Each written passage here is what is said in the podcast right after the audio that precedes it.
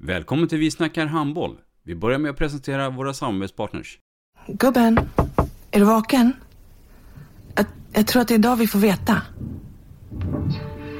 Jag kom in! Mamma, jag kom in! Mamma, jag kom in! Jag kom in! Ah! Vi finns där du är när livet förändras. För alltid välkommen till Länsförsäkringar. Nej men, ska du ha t-shirt på dig? Du, det är ingen vanlig t-shirt. Det är en nya bollar till klubben-t-shirt. Och så matchar den grillkryddorna vi ska använda. Hur då? Men det är ju alla ska med på klassresan grillkryddor. Stötta barn och unga. Shoppa på newbodyfamily.com. Länge leve föreningslivet!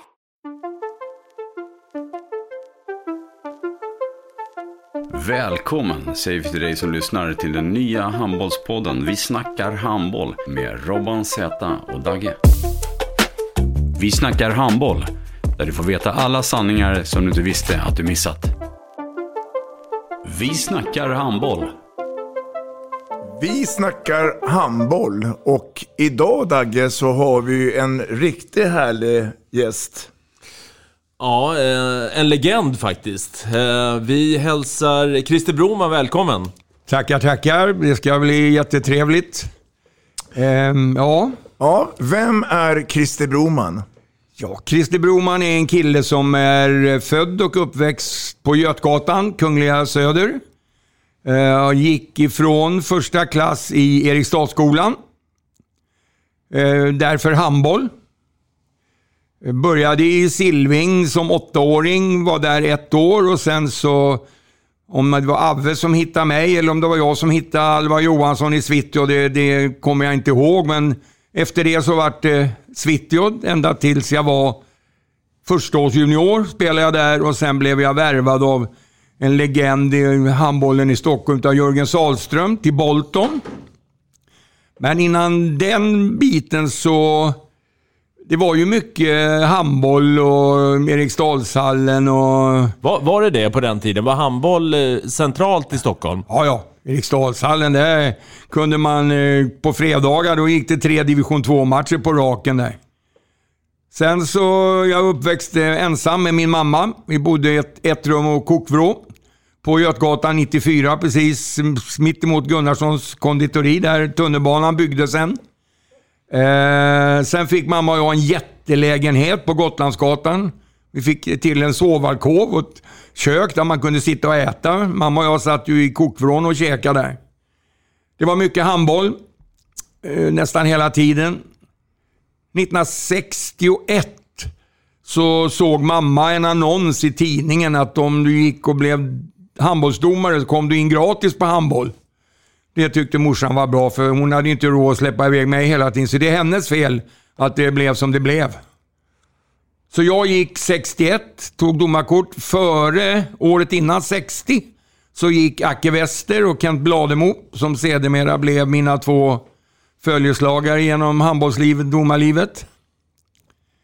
Det var ju fantastiskt att bli domare extra pengar. Morsan behövde aldrig sticka till med någonting utan man dömde matcher där när man var A-pojke och Avve hämtade.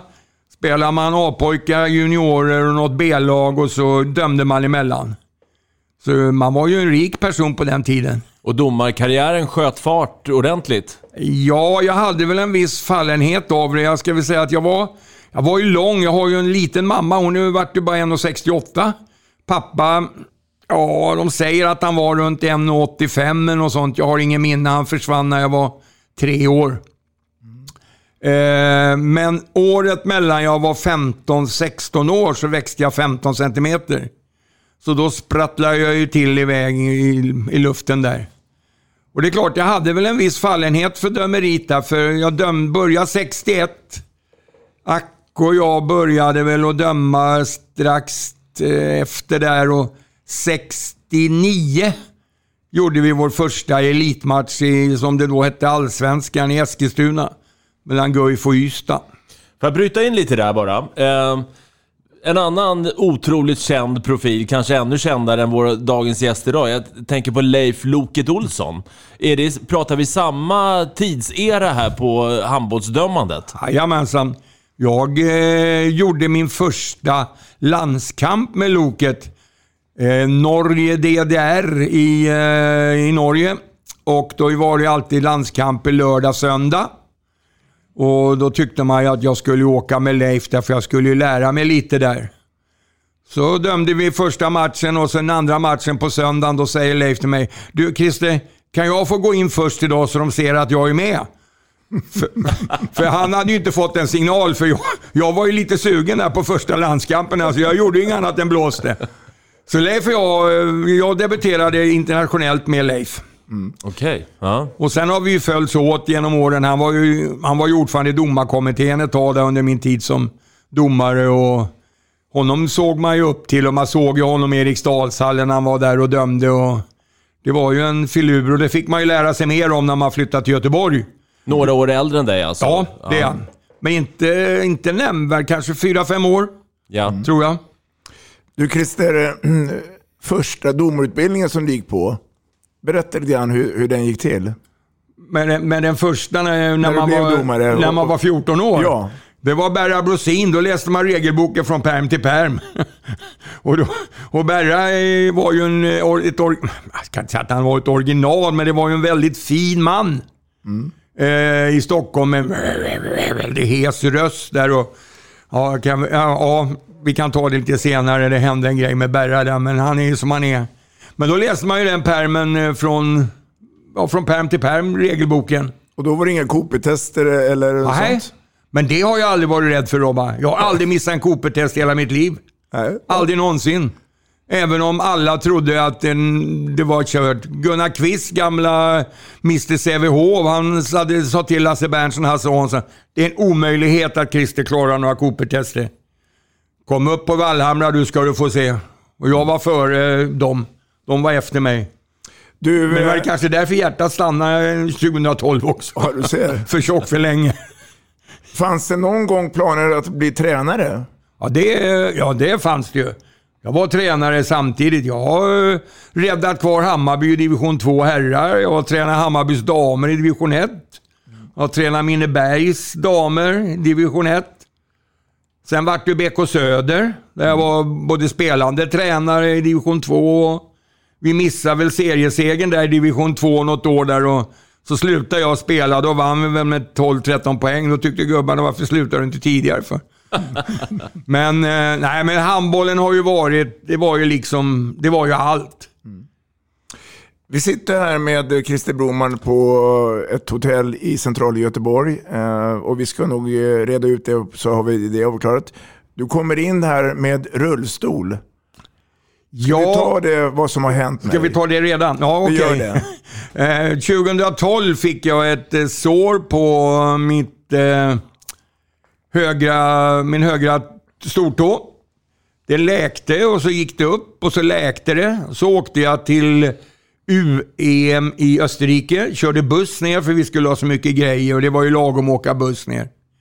Men eh, efter två dagar på plats där så då vek sig tån, då ruttnade den. Så då kallade jag in Kjelle, eller Tjolle på rummet och sa det, du, jag kan inte vara kvar. Då tyckte de att de skulle flyga mig hem, men jag ville hellre åka bil för då behövde jag inte stö, stödja på benet. Så jag satte mig i bussen och körde hem. Var väl hemma, var väl inte så, äh, var väl inte någon kaxig Christer Broman när jag kom hem kan jag säga. Jag gömde mig nog ett par dagar där, fyra, fem dagar.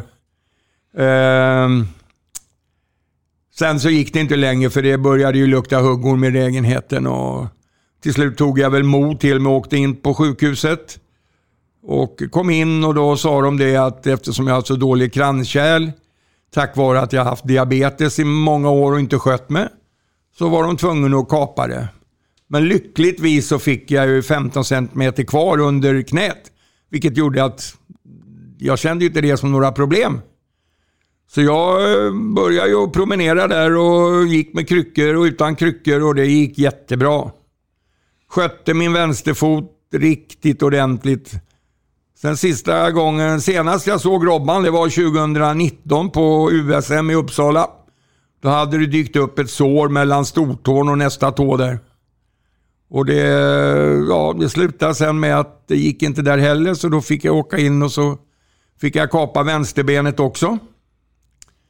Men eh, jag fick... Eh, mina nya proteser den 3 och 4 juli 2019. Och i augusti, den 12 augusti, så satte jag mig i min bil och körde för första gången. Och då hade jag, jag har en son som bor i Gävle som håller på med bilar på den tiden. Och mitt emot hans, där han jobbar på hans bilföretag så fanns det en firma som byggde om bilar. För jag hade ju en, jag hade en bil, eller jag hade den jag hade, den var ju ombyggd för vänstergas. Eftersom jag inte kunde använda högerbenet där. Så att i samband med Partille Cup 2019 så var Ralf så snäll, Lundberg, och körde upp bilen till Stockholm för att Andreas bor i Gävle. Han skulle hämta den där. Och precis när Ralf hade kommit fram, tror jag, till Stockholm, då ringde Kenneth Johansson, som är en profil här i Göteborg och i hela handbollssverige. Och eh, då hade han tillsammans med styrelsen i Handbollsakademin, som är en lustig samling här i Göteborg, som bildades eh, någon gång på 90-talet utav Kurt Pedersen. Där gamla handbollare träffas en gång i månaden och lyssnar på något föredrag och äter lite mat och tar en öl och så. Då hade styrelsen bestämt sig att eh, för allt det jag hade gjort för svensk handboll så var det deras förbannade skyldighet att bygga om min bil. Och det gjorde de. Så den, och den har jag kvar fortfarande. Jag är någon 14 dagar ifrån att kunna köra igen. Det är lite knöligt nu men den körde jag ett halvår, det var inga problem. Så det var ju mellan sätet och växelföraren automat. Så är det framåt i gas och bakåt i broms. Så det var inga problem. Det, det känns ju som, när man lyssnar på dig Christer, att eh, trots avsaknaden av, av båda underbenen så, så har du en positiv livshållning och du verkar få livet att fungera eh, trots allt. Ja, alltså, det här med ben är ju ingenting. För den 20 december var jag hos läkaren 2019 och han låg nästan på knä och skrek hur bra jag gick där med en krycka ute och inga inne och det gick hur bra som helst. Sen den 23 december då kunde jag inte stödja på benet. För då hade jag börjat fått ont i min höft som jag bytte för tio år sedan. Mm. Och eh, dagen för nyårsafton 2019 så ringde eh, Svesse Svensson som är ortoped och gammal landslagsläkare och sa nu åker du in till Mölndal. Det är lite folk idag. Se till att du kommer in. Eh, jag åkte in och kom hem till lägenheten fyra och en halv månad senare. Utan höftled. De hittade en infektion som var väldigt svår. De kom inte... De, det gick inte att göra någonting åt den. De provade två gånger att operera var ner där till akut eller på IVA på Mölndal och vaknade upp och upp på avdelningen och ner igen. Till slut så bestämde de sig för att ta bort höften, mm. höftleden. Och eh, efter det så spolar de två gånger. Den sista gången använde de över 30 liter vatten för att spola rent.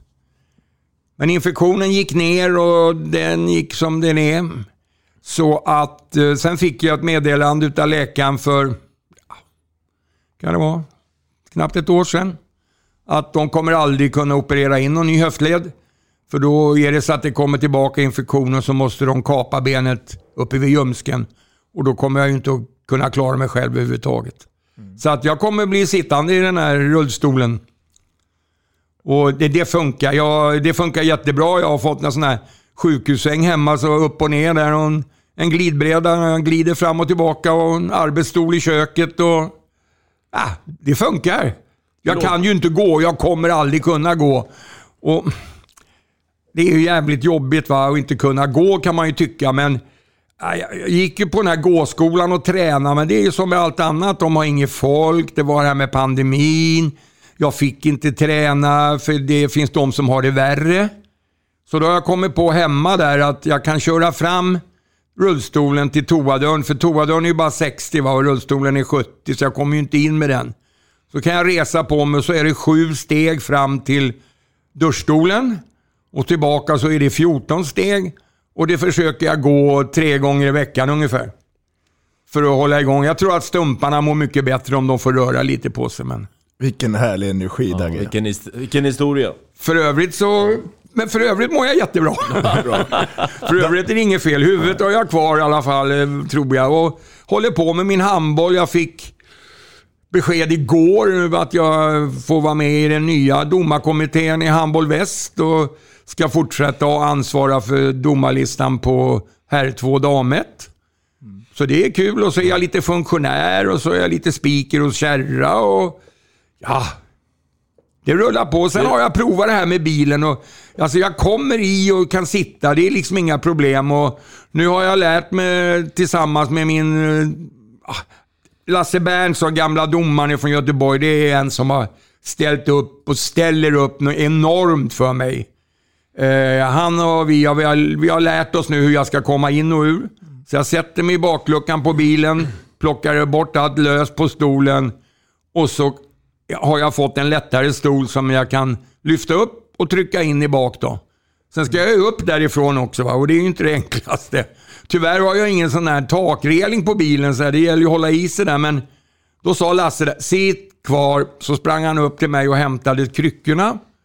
Så nu kan jag hålla mig i taket där och som en krycka så att... Eh, det funkar? Det, det ska funka. Ja. Det är inte så att jag tar hissen ner och åker fram och slänger in rullstolen i bilen och åker och köper två liter mjölk. Det gäller ju att ha något att göra. Det tar lite tid va? Det är rätt. Men eh, nej, det går. Du, eh, Dagge. Eh, det finns ju en eh, känd skådespelare som tyvärr är död, Carl Gustaf Lindstedt. Han gjorde ju Mannen på taket. När vi tänker på Christer Broman, vad tänker vi då på Mannen på taket? Ja, då är det lite man, handbollens Mannen på taket. Eh, Gubbängsfältet, 1975. Eh, undertecknad var nio år på premiäråret och jag, jag har nog inte missat ett, ett enda Eken Cup faktiskt. Eh, Ja, jag tänker dig som speaker Christer där eh, i, på Eken Cup. För, Legendariska grästurneringen. Får jag bara lägga till då. Bana 1, bana 2, bana 3, bana 4. Gick, Fem sekunder! Det gick bra när det var åtta banor, för då såg man alla. Men sen så gick det bara värre när det blev 35 där. Då var det lite jobbigt. Kurre, början... och, Kurre och Ragge Krita. Jajamensan, de var med från början. Berätta för oss Eken Cup-resan. Ja, men alltså det började ju där med att vi... Eh, då satt vi nere på, på marken, fanns det inget flak. Jag och Anders Edelin. KG Nilsson från Lidingö, han var med också och var speaker och det var ju liksom... Upp, upp, det var noga va. Och vi räknade ju tabeller och allting där. Och finalspelet gick på två banor där mellan, ja, som det nu är, bana 1 och sånt. Där. Men det växte ju. Sen fick vi ju något lastbilsflak där att sitta på. Och något år så regnade det och så var det mm, som en pool ovanpå lastbilstaket. Och de sista, kan det ha varit tio åren, då fick vi ju någon väldigt elegant där med någon, med någon bur där uppe och veranda och... Ett år så hade vi samma eh, bur som Hammarby bandy hade på Zinken. Men den sålde de nog tror jag, för den kom inte tillbaka. Den var ett eller två år. Och Eken Cup var ett samarrangemang av tre föreningar, ja. eller hur var det? Red ut begreppen. Cliff, Söder och, och Ventoxona. Mm. Ja. Och sen vart det ju GT Söder då. Eh, Bolton fick ju en fråga från början, men de hade ju väl inte den organisationen. Sen var det ju uppdelat där så att Cliff, de hade eh, hand om fältet. Det vart ju då Ragge och Curry Krita.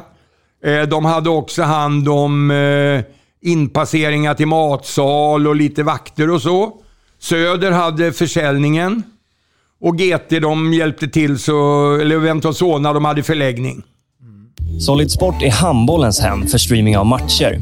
Hos oss hittar du allsvenskan, division 1, division 2, USM, ungdomsmatcher och mängder av handbollskupper. På solidsport.com svensk handboll hittar du det senaste samt kommande matcher från Handboll-Sverige. Vill du själv även komma igång och börja sända matcher för ditt lag? Gå in på solidsport.com för att läsa mer.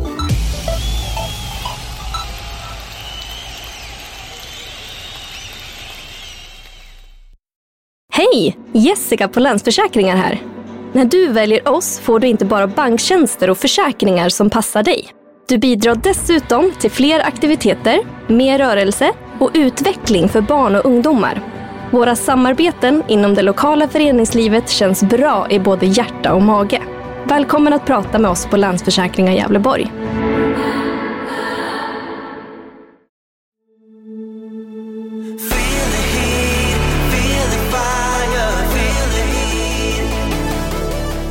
På Restaurang Hit är kärleken till vällagad och god mat vår största passion. Vi jobbar med att förädla bra råvaror till en fantastisk slutprodukt. Frukost, lunch eller catering. Hos oss äter du alltid god hemlagad mat. Välkommen hit!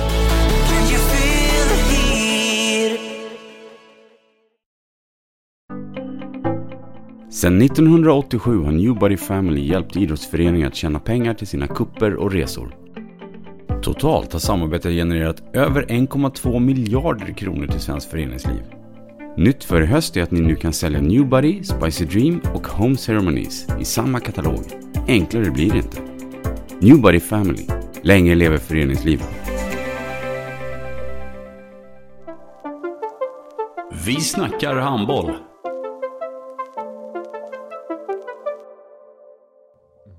Att du just fick, att, att du just fick, fick frågan till att eh, vara speaker. Men jag var ju lite speaker och var med lite grann där och var väl, ja det föll sig väl ganska naturligt då och så var vi där. Men jag har ju, jag tränade ju polisens juniorer något år där samtidigt som jag var speaker och man for omkring där och Acke var med och första året, det var väl då när Knugen, kungen gifte sig, då var vi hem till Acke där och, och tittade på det för det var ju paus mitt på dagen där. Så att, nej men det hände mycket där. Men jag, ja, jag höll mig kvar i 44 år. Sen så, det gick inte då 2019. Sen var det ju inte, var det ju uppskjutet då, då 20 ja. och även i år då. då. Hör du det Dagge, att eh, Christer är ju stockholmare, men har ju nu mer än halva livet bott i Göteborg. Man hör ingen dialekt från Göteborg. Nej, det är, det är, det är mycket Stockholm. Stopp. Det får, sa ju det, jag är stockholmare som bor i Göteborg. Min son säger att jag har ibland så kommer det med sån här, ja man ska köra, ja, kör av där vid det motet och det är lite sån här Göteborgs mm. ord och så. Men annars så, Stockholmsdialekten är kvar. Vad kul att du sa det här med Carl Gustav och Lindstedt och På taket. Jag faktiskt, jag var ju på 70-talet där, 71, 72, då jobbade jag ju faktiskt som turnéledare i två år. Mm. Med lite olika, med, bland annat med Carl Gustav och Miller Smith och var ute på turné med Helmer Bryds och Sweet. Mm. Orkester från England, där popgruppen var ute och körde med. Mm. Och slut, avslutade alltihopa sommaren 72 då med Östen Warnerbring och Ingmar Nordström då i hela sommaren. Mm. Du, eh, yrkeskarriären då? Hur, hur har den varit? Den har varit blandad. Mm. Fråga Acke Westres mamma. Nej, hon lever inte länge. Fråga Erik Elias som var där. Det var ju ingen ordning på mig va. Jag jobbar ju med, med, med allt och ibland inget. Men eh, jag har klarat att hanka mig fram och Acke var väl den som var ordningsmannen i laget från början. Och Kent har väl, han har väl aldrig bytt jobb tror jag. Han var väl elektriker som började och sälja på samma jobb där.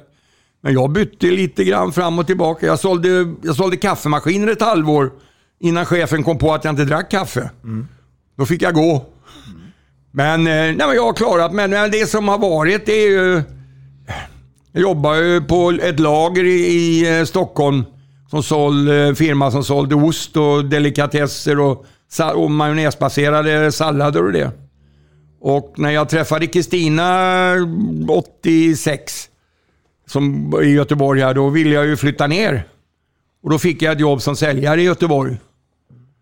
Och det var, jag gick in på kontoret och sa det, ska ni inte ha någon säljare i Göteborg? För jag har träffat en tjej, jag hade flyttat ifrån eh, Pia som jag har min son med. Då. Men han ut på laget så ringde och då hade killen i Göteborg ringt och sagt att han behövde hjälp. Och då fick jag det jobbet. Så flyttade jag ner 87. Så jag firade min 40-årsdag i Göteborg.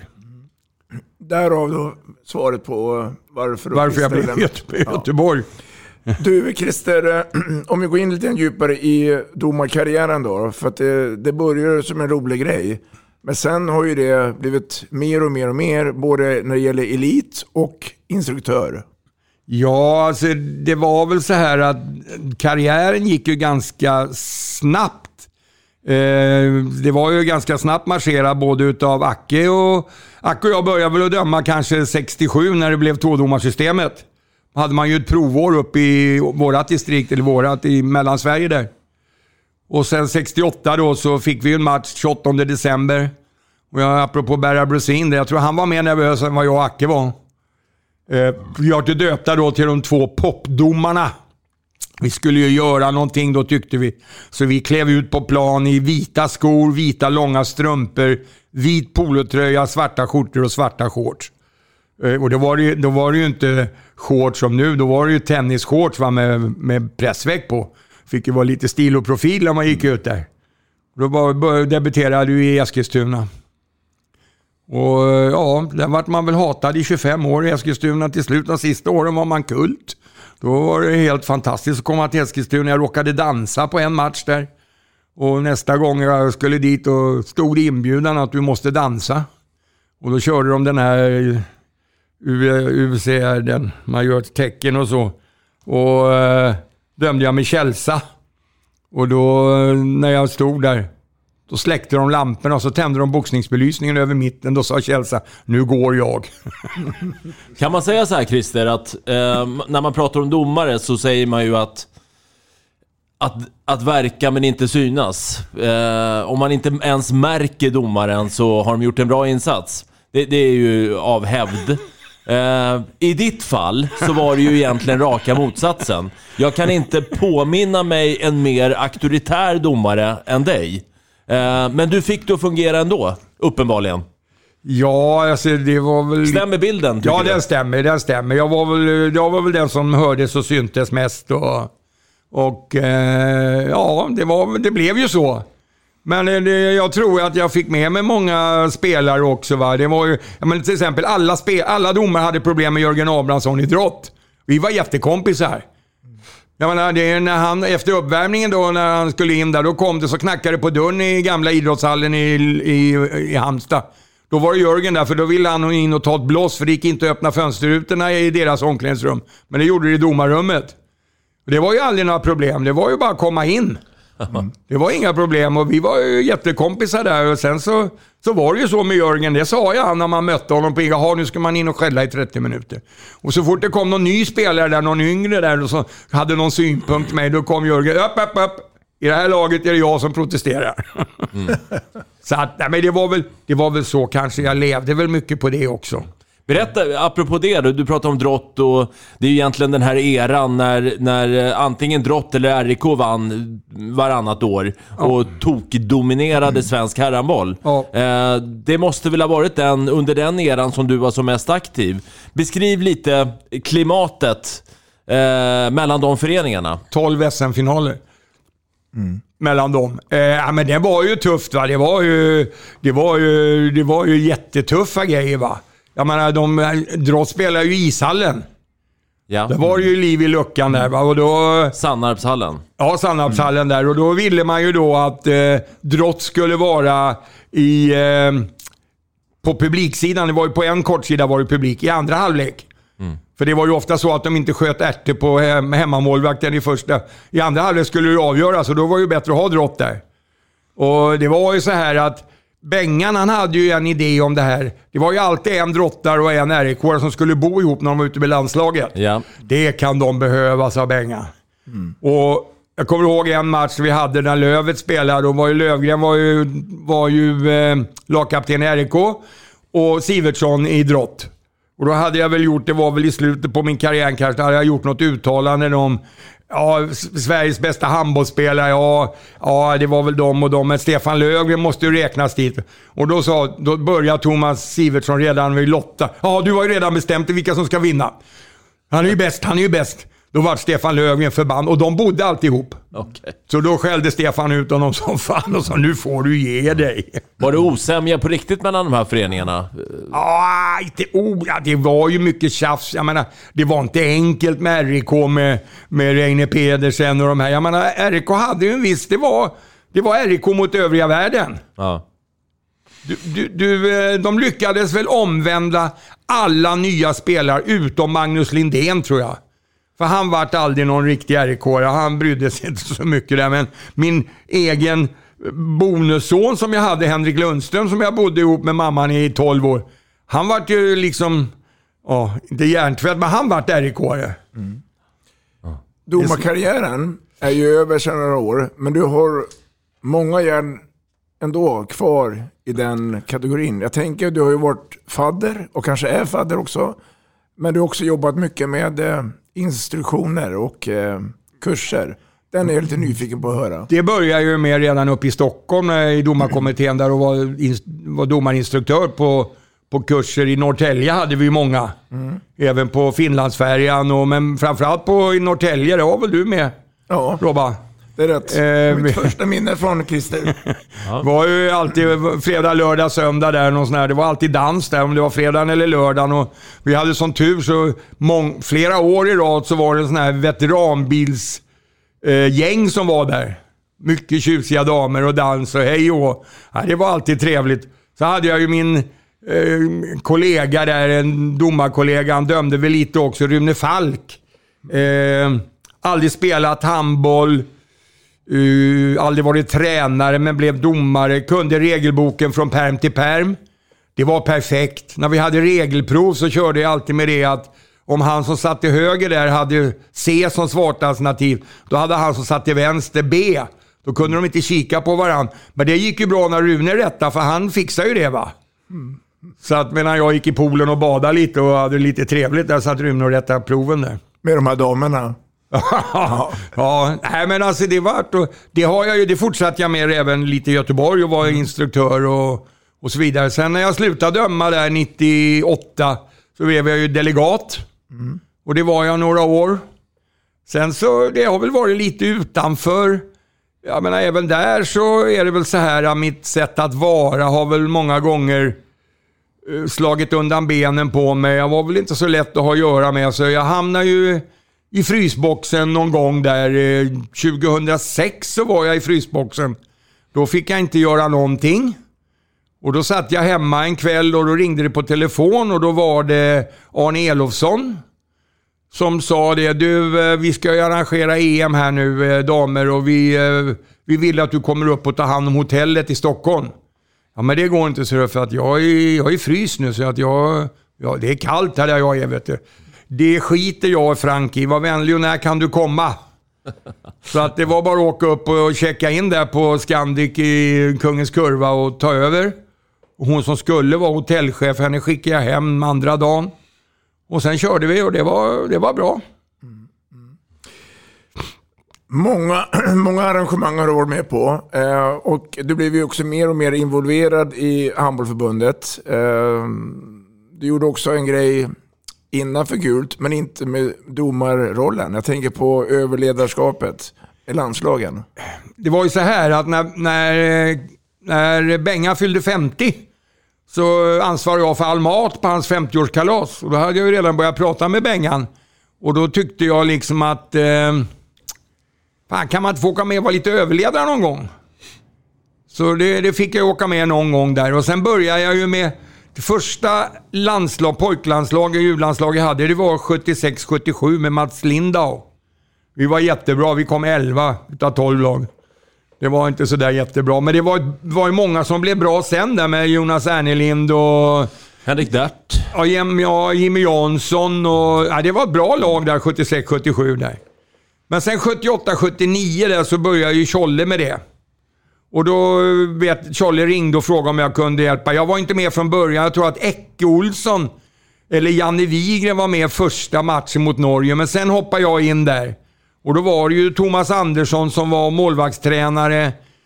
Det var med Tjolle och så hade vi Bosse Nilsson då, då som massör. Och jag var överledare och materialare. Så det vart ju då med 78 där VM gick i Qatar. Där kom vi tvåa, förlorade mot Danmark i finalen. 80 då var det ju, där hade ju Tjolle, per, då Kim är ju född 82, Kim Andersson. Ja. Men han ville ju inte spela med, med 82-lag för det var, han kom inte överens med Per Johansson. Så att, och då sa ju Tjolle, men vi kan inte låta den talangen bara stå där. Så han fick vara med i 80-laget. Och det var ju också ett... Jag menar 78 var ju ett jättebra lag med Mattias Andersson och det gängen. 80 det var ju med Jonas Kjellman och Hasse Karlsson och de va. Kalle Tagesson, som man aldrig trodde skulle bli. Han var ju laka, eller var ju Tjolles förlängda arm. Men där kunde man lägga fram bollarna framför hissen. Då klev de ju över det va. Nu är han fystränare och andre tränare i Skure där. och Det kan man inte heller tro va. Och sen vart det åttor där och då kom vi trea. Vi förlorade semifinalen.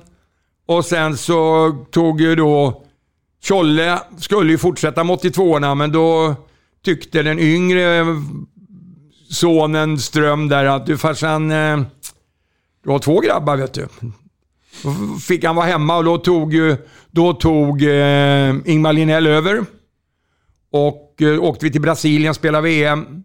Per Johansson var med. Eh, jag säger det, utan Per hade vi inte vunnit det VMet. För han, vi filmade ju alla matcher och han klippte. Hittade en kille som, jag tror att han kände honom från början, som bodde på något annat hotell. Och eh, han körde, vi tog honom i taxi till vårt hotell varje dag. Så han fick käka utav våran buffé där hela tiden och var med. Och, och han, han eh, hjälpte oss till så att vi mötte ju Danmark igen i finalen där. Och då, Vad, vad, hjälpte han med, er med? och klippa och Ja. filma och hjälpa, hjälpte Per. Okej. Fantastisk kille. Kommer inte ihåg vad han hette, men han åkte taxi där och vi, vi bestämde samma taxi.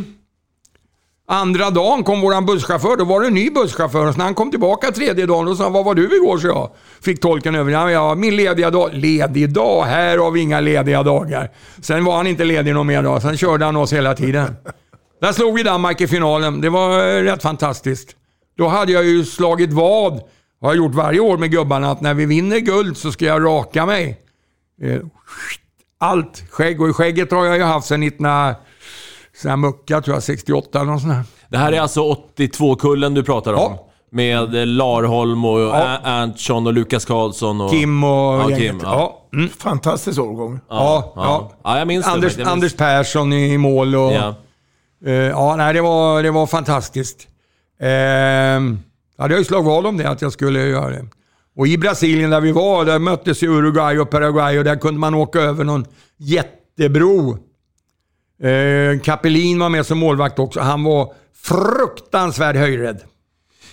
Han gick ju mitt i körbanan över bron, men så sa han till mig, Broman, jag går inte tillbaka. Så han fick köra han med taxi över tillbaka. Och där hade alla gubbarna köpt sån här från eh, Vietnam, en sån här trimmer. Det var inte så att de klippte bort det, det slet bort skägget va. Men då sa Kim som var lagkapten, gubbar, ni har missuppfattat det här. Det är inte vi som ska klippa honom. Han har sagt att han ska klippa bort allting. Så när vi vann efter förlängning där då, samma taxichaufför som hade kört den här killen, han körde mig till en sån eh, dam, eller frisering på en lördagkväll där och mycket folk och han in där och pratade ju ingen engelska, var ju bara portugisiska där sen. Men han släpade fram mig före alla andra som satt där, det var ju fullt med folk där. Men hon vägrade, hon skulle lämna bit. Nej, allting så här, så det var allting. Och det var kalla och varma handdukar och hon kämpade där och sen skulle hon ta betalt och kostade det 9 kronor. Svenska kronor. Men då fick hon så att det blev 100 svenska kronor. då, Och så kom jag in på banketten där, tillbaka till hotellet, kom in på banketten. Då, då ställde sig till och med honnörsbordet upp och applåderade när jag kom in. Härli- härliga minnen. Ja. Du har ju haft också några årgångar på tjejsidan. Ja. Är det någonting du... du 88 började jag med när Åsa Anna, Åsa Mogensen heter hon väl nu, heter Åsa Eriksson. Det är någon gammal kompis till dig från Skånela. Precis, från Märsta ja. Från Märsta. Eh, hon och Anna tog över eh, 88 Det var ju också ett väldigt bra lag. Lite svagt på målvaktssidan. Eh, men det var ju Bella och det här gänget som spelade. Och eh, kommer ihåg vi var på något landslagsläger i Sävsjö med 88 där och de här gamla tjejerna från Sävsjö, Kikki och de här, de var och hälsade på Jönsson och dem. Och, och, och eh, alltså, Bella var ju på väg att bli jättebra. Hon var ju lite, tyckte lite att hon kunde, och pappa kunde ju mycket va. Men eh, så sa jag, lyssna nu på Åsa. Bella, det kan inte vara så här att hon har gjort 258 landskamper framåt och inte kan något vet du. Och ni i försvaret, lyssna på Anna. Hon har gjort 150 landskamper och det kan inte vara tur det heller bara vet du. Så att det gick ju jättebra. Sen fortsatte ju de med, med eh, 90 Och då var vi ju på... Eh, då var 88 vi gjorde ingen större succé. Eh, det gjorde vi inte med 90 heller, men det var ju ett, vart ju ett jättelag. Då var vi på VM i Korea, då var Per med också. Och då sa, talade Per om för mig att du ska ha klart för Broman, i det här laget är det möjligtvis max en som kan bli någonting. Då trodde han väl lite på Hagman där, men något år räknade jag ut där när han hade tagit ut truppen. Där, då var det åtta tjejer från 90-laget med. Och där, där pratar vi målvakter. Där hade vi ju tre målvakter alla över 1,80 va. Med Filippa och Bunsen och, och Törn och det var ju riktiga målvakter där. Men eh, ja, Nej, men det var, det var roliga tider. rolig tid. Sen började jag om lite där med Jenny Karlsson som var massör och sjukgymnast där. Hon skulle ju fortsätta med pojkar 94. Sanottis kull va? Ja. Och då ville hon att jag skulle följa med som, som överledare och det var, det var ju, tyckte ju Sanotti och Peter Möller, det var ju jättebra. Men då kom ju det här med, med benet och foten och det och... Så att det, det vart ju bara ett halvt, ett halvt år det. Men han var ju fantastisk, Sanotti på sitt, sitt sätt. Duktig. Fikret var med. Ja. Ja. Fi- Fikret Handan, han är... Vi var i... Ja, var vi, var vi i Bulgarien eller någon sån här och spelade någon kval. Och så var det första april. Och då eh, satt vi där och då måste vi hitta på någonting. Och då hade vi ju någon, eh, över, någon delegat därifrån eh, något land där som kunde prata med, med fikret där. Men så när vi satt och käkade där så tog jag upp handen där och min telefon och så pratade jag i telefonen och så... Nej men menar du det? Då visade, sa jag det att nej men du vi har fått problem med en gubbe här. Det är, hans intyg som han har det gäller inte så vi, vi kommer nog bli uteslutna nu. Och det var... eh, Det var... eh, Ja, jag kommer ihåg vad han spelar ju i eh, Ove Helsingborg nu som han har gått in på mitt sex nu. Ja, kommer inte ihåg namnet. Jonathan Wiltorn. Ja, Wilton ja. Ja. Han hade något problem där. Och alltså, hade han varit där den här killen här, då hade Fike gått och slagit ihjäl honom. Och jag höll så jävla bra färgen där. Och Zanotti gick runt där och klappade om honom och sådär. Och ah, det är för jävla tråkigt alltså att det ska bli så här. Och, och sen när alla var liksom, alla, alla var ju ja, nere under bordet. Va, va? Då tyckte Zanotti, gubbar, april, april. Du, eh, Christer, eh, du är frispråkig. Du säger oftast vad du tycker och tänker. Om vi går tillbaka till, grann till det här domarsidan där. Hur mår svensk domarkår idag? Jag upplever att det är en hel del tjafs. Har varit. Ja, låt höra. Den här säsongen har det varit eh, väldigt lugnt och bra. Jag tror att den här pandemin som blev, att man kunde ha teamsmöten, gjorde att det var väldigt bra. För jag, vad jag förstår så har eh, Elitdomarföreningen haft eh, flertal teamsmöten. Och det var man ju tvungen att ha efter förra året och rensa luften där med bland annat eh, tvillingarna Benanis. Och ja, det, det är ju tyvärr så att det, det var ju bara domarkommitténs fel. Man hade ju ingen, ingen egen eh, felsökning i det hela. Tyvärr så, så funkar det inte och det funkar inte mellan, mellan Henrik och, och, och, och dem. Och det vart lite bråk och stön och stånk där. Och några höll väl på dem och några höll väl på, på de andra. Men jag tror att de har rätt ut det och jag tror att det, det som det har varit det här året har jag förstått så har det varit väldigt bra stämning. Vi har ju, eh, om några dagar när det här programmet sänds så har vi Champions League. Och där har vi lite svenskar som ska ner till eh, Köln. Ja. Vad tycker du om de två herrarna? Sedan 1987 har Newbody Family hjälpt idrottsföreningar att tjäna pengar till sina kupper och resor. Totalt har samarbetet genererat över 1,2 miljarder kronor till svenskt föreningsliv. Nytt för i höst är att ni nu kan sälja Newbody, Spicy Dream och Home Ceremonies i samma katalog. Enklare blir det inte. Newbody Family. Länge leve föreningslivet. Solid Sport är handbollens hem för streaming av matcher. Hos oss hittar du Allsvenskan, Division 1, Division 2, USM, ungdomsmatcher och mängder av handbollskupper. På solidsport.com svensk handboll hittar du det senaste samt kommande matcher från Handbollssverige. Vill du själv även komma igång och börja sända matcher för ditt lag? Gå in på solidsport.com för att läsa mer.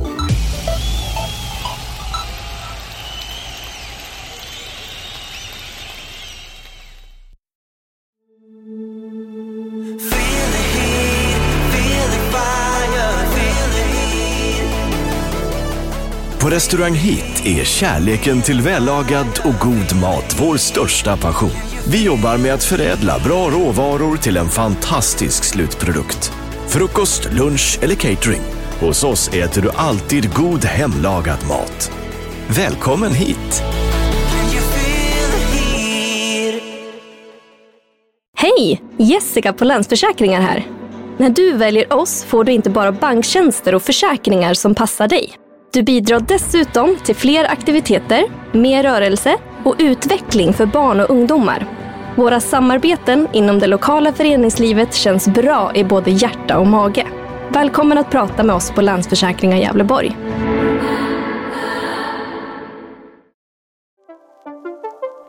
Vi snackar handboll. Ja, men det är klart att de är bra, för de har jag lärt upp. Och vad heter de då? Ja, men det är ju Mattias Wettervik och Mirza Kurtagis och då ska du veta det att när jag träffade Mirza första gången, då hade, hans, då hade de flytt till Sverige och bodde på flyktingförläggningen i Surte. Och jag, hade, jag och eh, Patrik Håkansson hade varit i Förenade Arabemiraten och dömt och träffat eh, Mirzas farbror som var tränare i Sharjah klubb där. Och han bad mig att ta med mig lite pengar till eh, Mirzas pappa. Och när jag kom hem så plockade jag ihop massa kläder som, jag menar på den tiden när Henkan växte, som vart ju aldrig utnötta utan de var ju nästan nya. Så jag åkte till Surtes eh, flyktingförläggning och klev in och där bodde de i två våningssängar, mamma och pappa och syrran och, och Mirza. Och lämnade pengar och eh, kläder. Och sen så började de ju att döma. Och eh, alltså de har ju också haft en framgångssaga i, och de är ju väldigt bra. Det, det, de är jättebra. Sen har de ju haft lite otur den här säsongen med Corona där och var på väg ner och det vart inget VM och, och så vidare. Men nu eh, får vi hoppas att de är friska så de kan åka på fredag. Och ha sin Barcelona där, Nans. Det, ja. Christer, ehm, med tanke på hur du själv var som domare, du var inne på det här med eh, auktoritet tidigare. Ehm, ser du någon i dagens domarkader som är en arvtagare till dig själv? Ja, det hoppas jag inte. Personlighetsmässigt tänker Det jag. hoppas jag inte. Nej, men närmast det. Jag menar, Mirza och Mattias har ju ett väldigt bra kroppsspråk. Jag brukar säga till de här unga domarna som jag tittar på och pratar med. Titta på vad de gör och hur de rör sig, att de är där. De har nog det bästa kroppsspråket. Men annars så... ehm, det är väl... Alltså, Åström och Videll. Åström är väl den, men nej, det finns ingen sån där spillevink idag. Jag tror inte det ska Det finnas. kanske inte finns utrymme för Nej, heller. jag tror inte det ska finnas någon heller. Det, det, det är väl så att det, det, det, det finns några stycken som har försökt att bli Christer Broman. Vi hade väl någon i Stockholm där, Rolf Söderberg, men det, det, det sprack och det är väl någon mer där som har försökt någon gång. Men det, det fanns nog bara en där. Så att, Bubben ja. ja, Bubben, ja, precis. Bubben är ett år äldre än mig, så vi lirar ju mycket bandy och fotboll nere på Eriksdalsplan där. Ja, Men han hade ju också en fantastisk känsla. Ja, mycket. mycket. För att döma handboll. Men känslan var mycket, mycket annat också vid sidan Så var av. det, så var det. Du Christer, eh, svensk handboll. Hur tror du att vi mår tillsammans? Jo, men jag tror ju att vi mår bra. Alltså nu vart det ju väldigt olyckligt det här med hopslagning av alla distrikt till fem regioner samtidigt som pandemin. Det tog nog ganska tufft. Men eh, nu är det ju på gång och får vi ju se vad alltså, tittar vi på domarsidan, vi ligger efter i Göteborg. Vi har inte fått ihop det riktigt ännu. Men det är väldigt spretigt. Ekonomi, hur gör man med återbud? Vem tillsätter? Och det är klart, det är en jävla skillnad att tillsätta 108, 180 matcher i Värmland och 6000 matcher i Göteborg. Det är lite skillnad. Men eh, vi får ju försöka få ihop det. Och det är som Lars Siger säger som är på Göteborgs handbollsförbund och tillsätter domare att är vi klara med det här om tre år, då har vi gjort det bra. Tror det är lättare i, Skåne till exempel, för där de fick ju en del utav Småland, Blekinge, men inte så mycket. Mitt, det är ju mitt där det är. Stockholm är ju där med, ja de fick väl till Uppland där, men jag menar de har väl haft Skåne i nästan alla år, så det är ju inte så stor skillnad. Nej. Det är väl Anders Olsson de får slås med och de har de väl slagits med förut, så det är väl inga problem i Uppsala OK där, eller vad heter det? Heter den det? Uppsala HK? Uppsala HK, ja. Ja, precis. Men de, det var mycket folk, det var mycket lag han har fått ihop där, trummat ihop med ungdomslag. Tyckte jag såg på Facebook för ett tag sedan. Ja, verkligen. De är ju jättestora nu Ja. i antal spelande ungdomar. Mm. Eh, Nästa steg att ta är ju att liksom kliva upp på seniorsidan, upp på elitnivå. Och där i ligger ju utmaningen för Uppsala HK. Eh, vi får se. Hoppas Ja. de lyckas. Ja. Eh, Nej, men så att det är ju... Eh, nej, men det har ju varit och det är ju... Jag menar, handboll är ju... Jag Har inte missat många matcher tror jag under... Nu när man sitter hemma och tittar och... Det var ju lite jobbigt där när de opererade höften där. Jag skulle ju varit med där på, på hemmaplan där och var lite hotellansvarig och sådär men... Jag var rätt risig där. Jag har haft 14 dagar när jag har varit i källaren. Men eh, efter 14 dagar vaknade jag en dag i sjuksängen och sa det till mig själv att nej, här kan fan inte ligga och tycka synd om dig själv. Nu får du skärpa till det. Men då såg jag inte mycket handboll. Då gjorde jag inte mycket. Ja, på tal om handboll och föreningsliv och Göteborg så har väl du även en lite historik med att du har varit runt i lite olika klubbar. Du har varit ordförande i Varta och... Eh, berätta lite om de uppdragen. Ja, men alltså det är inte så många klubbar. Det är Varta där jag var ordförande då. Men sen kunde jag inte vara ordförande för jag blev anställd där efter Christer Buff Karlsson där då. Dels fick jag ansvaret för kaféet för han skulle sluta där och, och så jobbade jag på kansliet där. Och jag menar, det var ju, Varta var ju, förde ju en syn, tynande tillvaro. Vi hade ett B-lag där, eh, eh, HPV 90 där, där gubbarna bröt sig ingen medlemsavgift. De var med och spelade och alla var ledare i andra klubbar. Då la jag ner det. På, på tal om det, känner du dig orolig över att det klubbar som tidigare runt om i Sverige, inte bara Göteborg utan kanske framförallt i Stockholmstrakten, eh, man kan ta BK Söder och Norsborg och det är Varta här i, i Västsverige, som ja, numera har försvunnit mer Ja. eller mindre. Tyvärr, tyvärr är det ju så att de som kan få sin ledarkader och bli kontinuitet på, slussar in nya. Det kommer att funka. Söder lyckades ju inte med det va. Inte Norsborg heller, inte Varta. Eh, sen är det ju här med Göteborg, det är liksom, det är ju de stora drakarna här nu med Önnered och, och, och, eh, och Sävehof. Men jag menar, ta Frölunda var ju stora på sin tid där och Sport, ja de har... Sport har kunnat behållt många utav sina lite äldre tjejer som nu spelar i Sport 3 där och nu är de ju det. Och de har ju ett A, B och C-lag i sport, men jag tror inte de har någon ungdomslag. Och sen samma sak med Heid. De har väl försökt där och nu... Ser du en fara i att en förening som, som Sävehof blir så gigantiskt stor så att de... Kan de kväva de lite mindre klubbarna? Både och tror jag. Han har ju gjort en fantastisk insats, han Linus Ekman där med herrarna där, men tyvärr så sprättade han ju sönder Baltikov när han var tränare där och tog med sig hela Afriklaget till, till Sävehof. Och jag, det, jag kan inte förstå varför man ska värva några ungdomar till Sävehof, de har ju så mycket ändå. Nej men alltså det är, det är nog, de är stora och det, Mm, det har väl varit lite så här att de klampar fram lite, men vad fan. De ska ju inte behöva lida för att de har eh, Abbe som har styrt och ställt och gjort ordning allt. Mm. Om vi ska snart börja runda av det här eh, snittet med eh, Christer Broman så skulle jag vilja att du får några minuter och, och pratar gott om handbollsledare. Antingen vid skrivbordet eller på plan. Från norr till söder. Vilka skulle du då vilja presentera? Ja, alltså... Ska... Robban Zetterqvist kanske? Ja, ja, men alltså Robban, Zeta det har ju alltid varit den här gubben som man har vänt sig till när det har varit. Och man, man har känt det i så många, många år och det är alltid bra. Ralf Lundberg måste jag ju nämna. Jag menar, Ralf eh, var ju min företrädare i Göteborgs handbollsförbund.